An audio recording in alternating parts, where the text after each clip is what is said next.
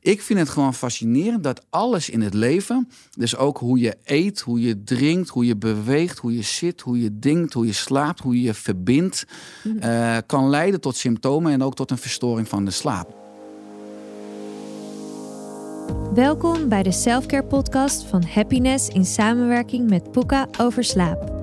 Mijn naam is Emmanuel Vos, kruidengeneeskundige in opleiding en Herbal Ambassador van Puka.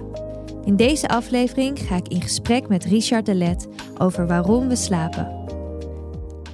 Richard Delet is specialist in gezondheidsmanagement en vitaliteit. Tijdens zijn studie geneeskunde ontdekte hij dat hij meer wilde weten over optimale gezondheid en het leven. Hij stopte met zijn kooschappen, liet de reguliere gezondheidszorg achter zich en ging op zoek naar wat een mens nodig heeft om echt optimaal te kunnen leven. Met zijn concept leefstijlplatform Oersterk begeleidt Richard mensen naar een gezonde leefstijl, waarbij de O staat voor ontspanning, de E staat voor eten, de R staat voor regelmatig bewegen en sterk voor mindset en zingeving. Richard, welkom. Dankjewel, een mooie introductie. ik ben heel blij dat je met ons wil zijn voor de eerste aflevering van onze Selfcare podcast over slaap. Uh, mijn vraag aan jou ook is, wat is jouw relatie met slaap? Ben je liever tot vier uur s'nachts aan het dansen? Of ben je voordat de zon komt, opkomt al aan de gang? Vertel, wat is jouw relatie met slaap? Uh, nou, het liefst, uh, ik ben meer een ochtendmens. Dus ik ben liever s'morgens vroeg al wakker en ik ga s'avonds op tijd mijn bed in. Uh, hoewel ik op zijn tijd een feestje hartstikke leuk vind. Maar ik denk dat juist de balans van overdag, zeg maar, waar we schade oplopen... en s'nachts natuurlijk waar we onszelf body-mind wel helemaal herstellen. Natuurlijk, alles in de natuur is ritme. Gezondheid draait om ritme. Dus we hebben die beide kanten nodig. En ja, ik hou van mijn bed... Uh, maar ik hou ook van mijn woonkamer, ik hou van mijn kantoor, ik hou van het leven. Dus nou, ik heb net een nieuw boek af trouwens. Dan vind ik het wel leuk als ik echt gepassioneerd met iets bezig ben om tot laat door te gaan. Ook vooral omdat ik twee jonge kinderen heb. En dan zeg maar na 7 uur, 8 uur s'avonds is het rustig en stil in huis. maar een goede nacht slaap en s morgens fris en helder je bed uitspringen. En we zin hebben in een nieuwe dag, zoals vandaag met deze podcast. Ja, dan voel je het leven wel door je aardige stromen. Wat fijn. En merk je dan met kinderen dat je slaaprust ook echt enorm wordt onderbroken? Of viel dat mee? Ja, kijk, gezondheid is flexibiliteit. En uh, als je geen kinderen hebt, heb je over het algemeen heel erg controle over uh, je ochtendritueel of je avondritueel. En hoe, hoe, hoe, hoe je s'nachts slaapt. En als je kinderen hebt, zoals onze jongste James is twee jaar. Ja, gisternacht kwam je ook om half drie en, en om half vijf. En ja, dan merk je gelijk, want Aak ochtends slapen er ook voor dat we gewoon een poetsbeurt geven ook in ons brein. Dat overdag zwelt het brein, s'nachts krimpt het brein.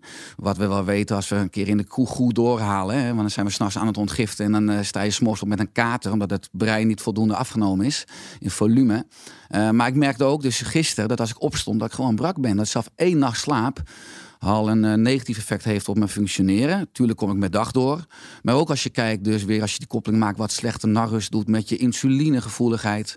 Of met leptine, met cortisol. Drie heel belangrijke hormonen in, in, uh, in ons lichaam. Die ervoor zorgen dat we vandaag ja, energiek voelen en lekker in ons vel zitten. Maar ook op de lange termijn dat we gezond en gelukkig oud worden. Ja, alles hangt met elkaar samen. En dat web van het leven vind ik magisch.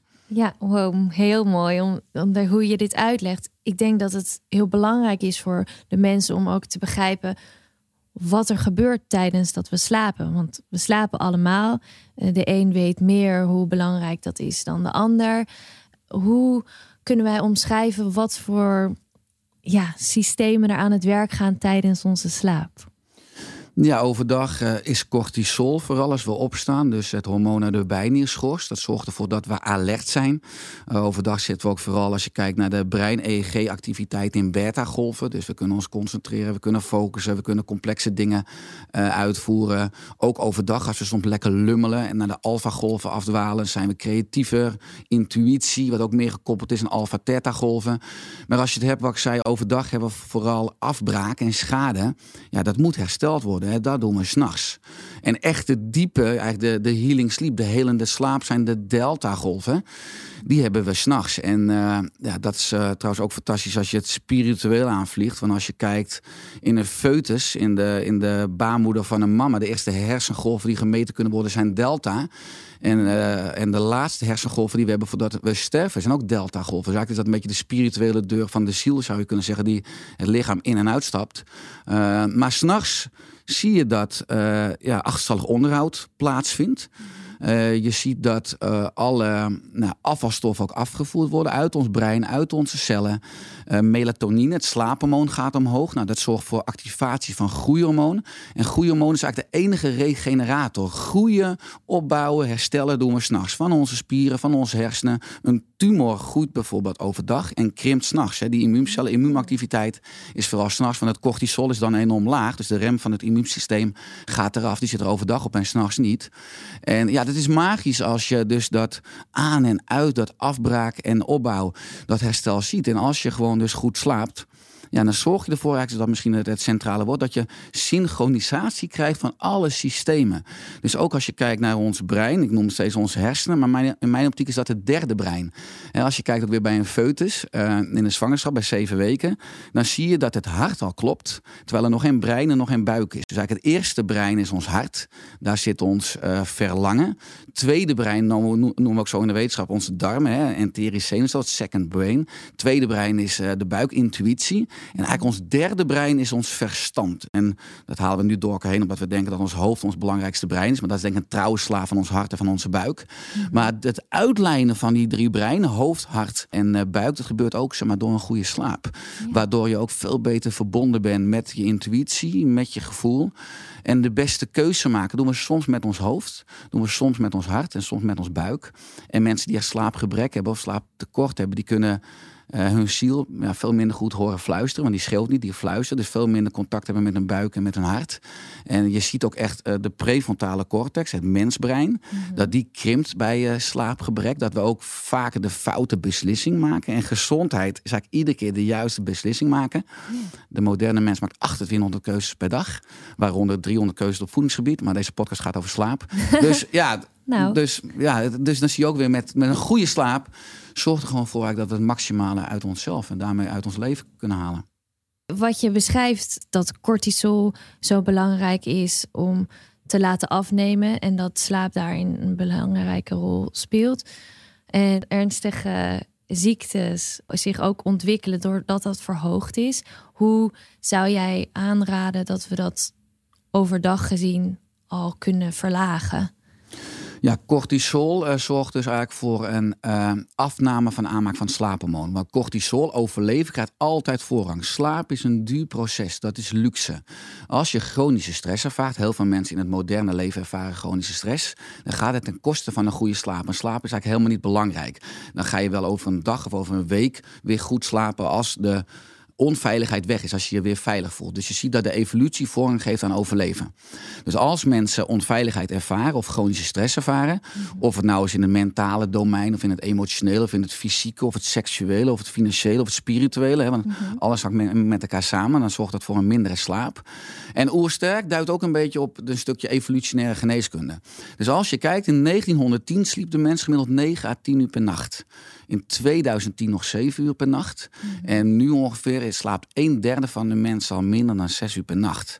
En dat zorgt er voor overactiviteit van het immuunsysteem. Dat heet laaggradige ontsteking. Het immuunsysteem is niet meer in staat om zichzelf uit te zetten. Dus als je kijkt naar uh, als mensen chronische stress ervaren en een verstoring hebben van cortisol, dan zie je ook dat de melatonine minder goed aangemaakt wordt. Dat je dus een opeenstapeling krijgt van celschade en ook in je brein. Daar daar eerder westerse welvaartsziektes uit voorkomen, kanker, auto-immuunziekten. Maar eigenlijk hebben nu ja, meer dan 10 miljoen mensen een chronische aandoening. Volgens de laatste cijfers, 1 januari 2018, 9,9 miljoen Nederlanders hebben een chronische aandoening.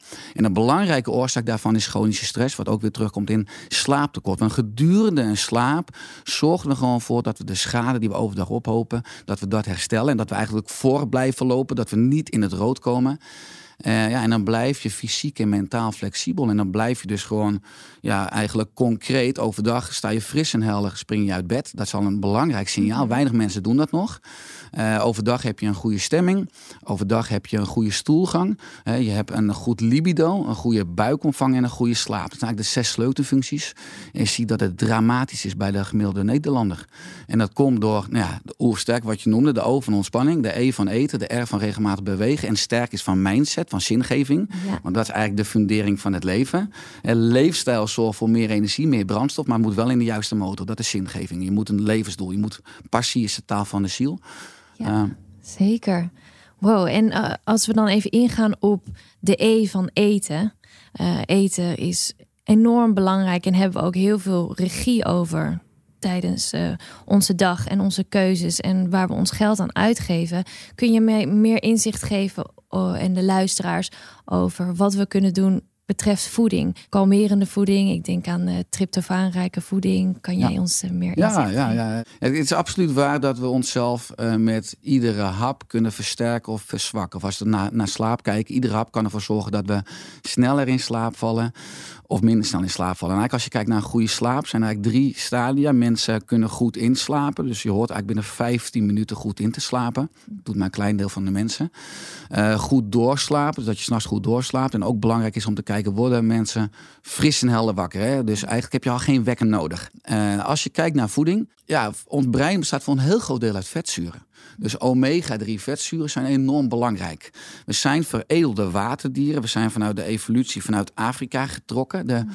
mens was niet echt een jager-verzamelaar, maar veel meer een visser-verzamelaar. Want het water gaf altijd zekerheid van voedsel. Dus heel veel vis, schalen en schelpdieren, maar ook zeegroenten.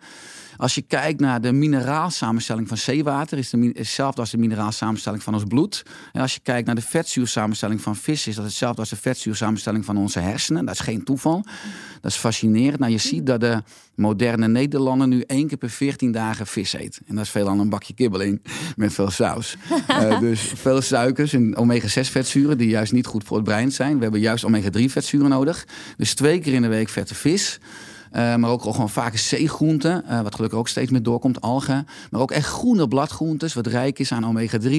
Maar als je dan hebt over groene bladgroentes, is ook rijk aan foliumzuur en vitamine B11. Wat ook nodig is voor de aanmaak van serotonine en melatonine, voor het. En inderdaad, wat je zegt, het slaaphormoon wordt gemaakt uit een aminozuurtje, uit een eiwitbouwsteentje, tryptofaan. En dat zit ook gewoon rijk in oervoeding. Dus het zit rijk in vis, in kersen, in uh, walnoten, in banaan, in pure chocola. Maar gewoon, ik ben natuurlijk een groot voorstander van oervoeding. Als je voeding uit handen van de natuur komt, ja, dan ben je over het algemeen heel veilig. En alles wat uit handen van de mensen komt, ja, wees daar kritisch mee. Omdat dat vaak een, een negatief effect heeft op, ook op de slaap. Ja, en dat komt ook door alle extra uh, toevoegingen die erin zitten. Ja, dat komt vooral ook door, uh, door alle suikers. Je ziet dat bewerkte voeding rijk is aan uh, geraffineerd suiker. Maar we hebben evenveel bacteriën in onze darm als cellen in ons lichaam. En uh, ook als je kijkt naar slaaphormoon en de voorlopers daarvan, die wordt voor 90% aangemaakt eigenlijk in de darm. Dus als we goed voor die darmen zorgen, kunnen die darmen goed voor ons zorgen en ook zorgen voor een goede slaap. Nou, wat zie je? Bijvoorbeeld, er gaan meer zenuwen van de darmen naar de hersenen dan andersom. Mm -hmm. Dus, en die darmbacteriën, die hebben vooral vezels nodig. Dus we zouden eigenlijk allemaal een pond groente per dag mogen eten. Dus dat red je bij, niet bij één maal, bij twee maaltijden. Maar heel veel mensen eten veel bewerkte voeding. Pakjes, zakjes, suiker. Dat zorgt voor groei van negatieve bacteriën. En dat verstoort eigenlijk de darmflora. En ook de productie van belangrijke stofjes die via de zenuwen naar de hersenen reizen weer. Die zorgen voor een goede slaaphormoonaanmaak. Dus dat verstoort de slaap. En ook als je kijkt naar koffie. Hè, koffie na twee, drie uur is ook geen goed idee op je, op je productie van slaaphormoon. Omdat uh, het heeft een, een halfwaardetijd van zeven uur. En uh, dus als je na drie uur s smiddags nog koffie drinkt, kan het ook ervoor zorgen dat je minder diep slaapt s'nachts. Dat je eigenlijk relatief minder goed verjongt en versneld veroudert. En als laatste alcohol. Zullen veel mensen, als je s'avonds alcohol drinkt, hoe lekker je ook denkt dat het ontspant. Het zorgt echt dat je s'nachts minder goed herstelt. Want de eerste uren van de slaap krijgt ontgiften van de alcohol voorrang. En pas dan ga je diepe heling en herstel krijgen. En dat is dan altijd minder als je s'avonds alcohol drinkt. Ja, en deze diepe staat van uh, delta die je besprak, kunnen wij dat ook ervaren terwijl we ja, ons leven leiden op deze leeftijd waar we nu in zijn? Of is dat echt alleen maar iets wat wij ehm, meemaken bij onze geboorte en als we het leven verlaten? Die spirituele deur waar ik het over had, die kunnen we iedere nacht ervaren. Dus als je kijkt inderdaad naar de slaapstadia, dan hebben we de eerste is een inslaapfase, fase 1. Fase 2 is dan de lichte slaap. Dan fase 3 is de overgangsfase naar een diepe slaap. De vierde fase is de diepe slaap. En diepe slaap zijn deze delta-golven. Dan zie je echt dat spieren echt super ontspannen zijn. Dan zie je dat de hartslag enorm gedaald is. Je hartslagvariabiliteit is dan eigenlijk het, het, het, het best. Wat ook een parameter is van vitaliteit. Je ademhalingsfrequentie is dan het laagst. Uh, en, en de vijfde fase is de remslaap, de droomslaap. Als we weer naar het ontwaken toe gaan of we beginnen weer een nieuwe cyclus. Uh, maar iedere nacht horen we ongeveer een uur tot anderhalf uur deze delta-golf te hebben. Dat neemt iets af naarmate we ouder worden. Dat is fysiologisch. Maar in principe horen we iedere nacht die een uur, anderhalf uur uh, delta-golven te hebben. En als je die hebt, dan weet je dat. Dan sta je fris en helder op. En als je echt brak of moe opstaat, dan weet je in principe al dat je de afgelopen nacht te weinig delta, te weinig diepe, helende slaap hebt gehad. Merk je dan dat je daarvoor een x aantal uur slaap moet maken om daar tot te komen? Of betekent het dat ik nou, binnen zes uur sowieso die delta-golven eh, kan bereiken? Wat, wat is jouw visie hierop? Hoeveel slaap hebben we nodig? En... Ja, goede vraag. Het verschilt een beetje. Ook weer als je gaat kijken in de wetenschap, dan heet dat de chronobiologie. Je hebt bij vroege vogels en je hebt late vogels. Uh, het, het, interessante is dat de maatschappij een toxisch ritme heeft. Want iedereen moet bijvoorbeeld om acht uur s morgens starten op zijn werk. Het zou wel veel, veel beter zijn als werkgevers gaan kijken van hoe functioneren mijn werknemers het beste. Is het een vroege of een late vogel? En begin jij maar om half elf, maar ga dan gewoon iets, iets, iets later door. Want sommige mensen vinden het heerlijk om s'avonds of tot, tot half twee, twee uur s'nachts nog door te gaan. Dus als je het hebt over die uh, deltagolven en de hoeveelheid slaap, dan zie je dat die deltagolven vooral optreden aan het begin van de nacht eigenlijk. Dus je eerste uren. Uh, ik zie het terug, wat ik meet mijn slaapstadia ook. Dat ik bijvoorbeeld die deltagolf heb meestal tot half vier s'nachts.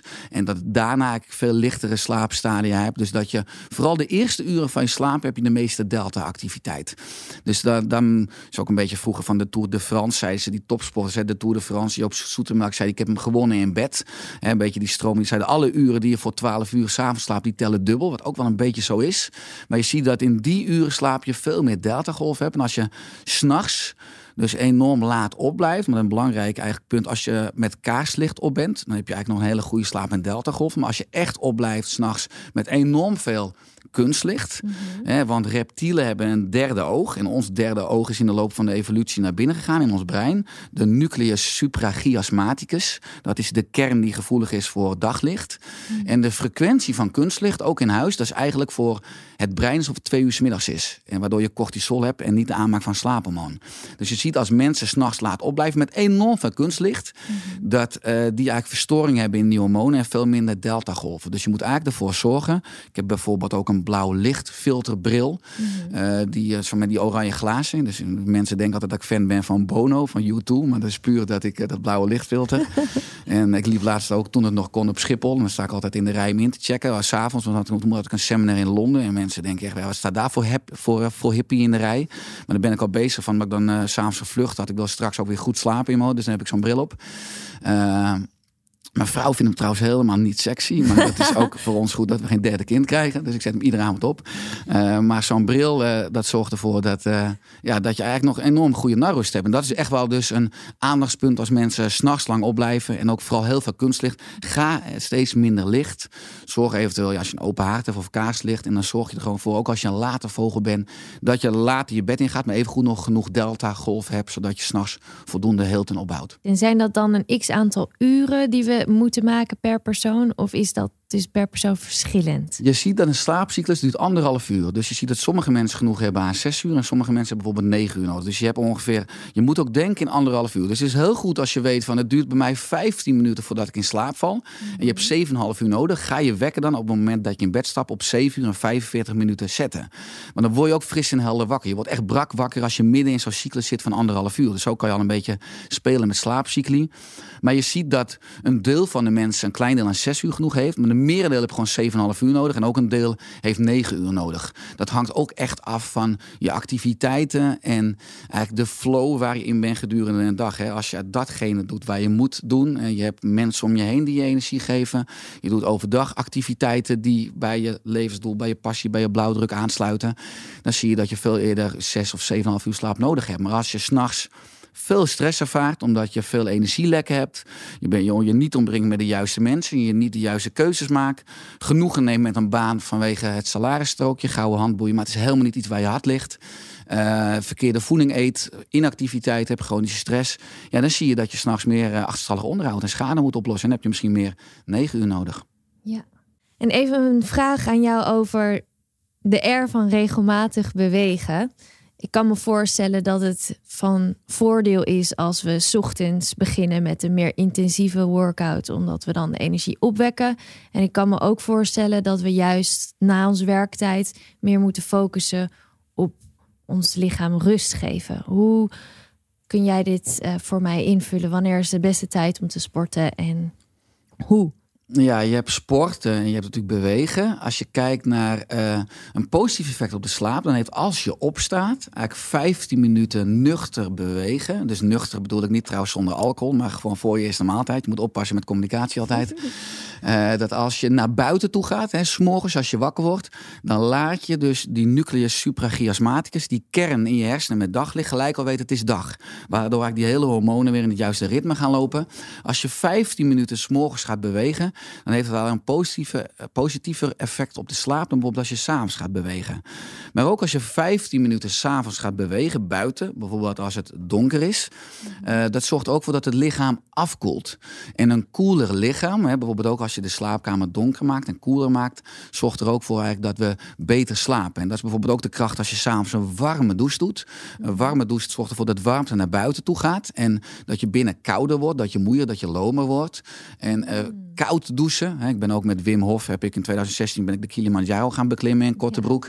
Ja, uh, en uh, gingen we stonden na 27 uur bij min 8 alleen maar uh, in, onze, in onze korte broek.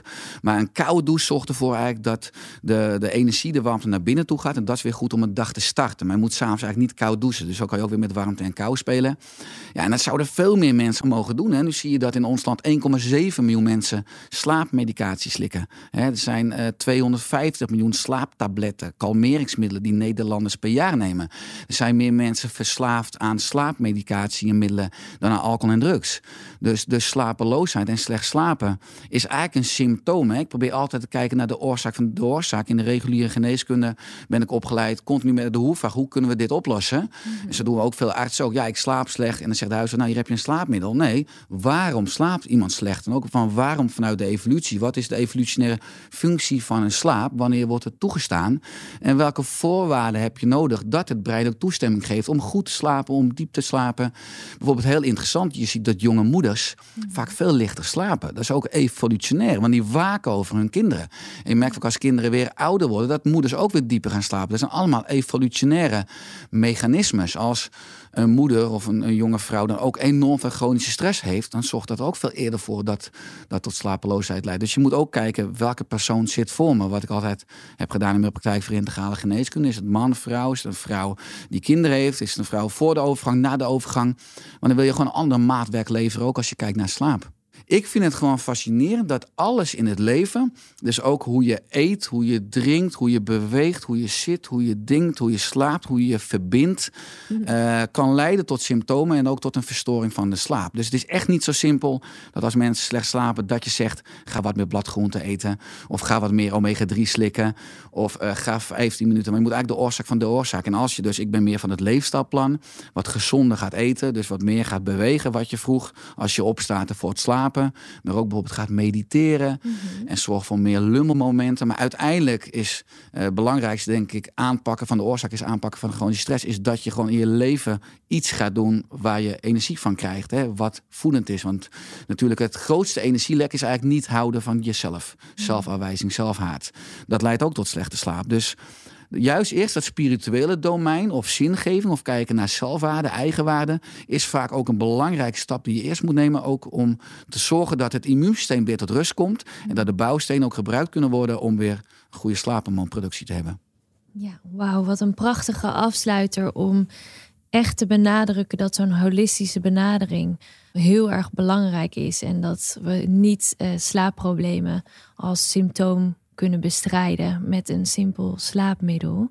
En ik vraag heel vaak als mensen bij me komen, mijn laatste opmerking van, ja, ik heb klachten. Zeg ik vaak, misschien heb je lichaam klachten over jou.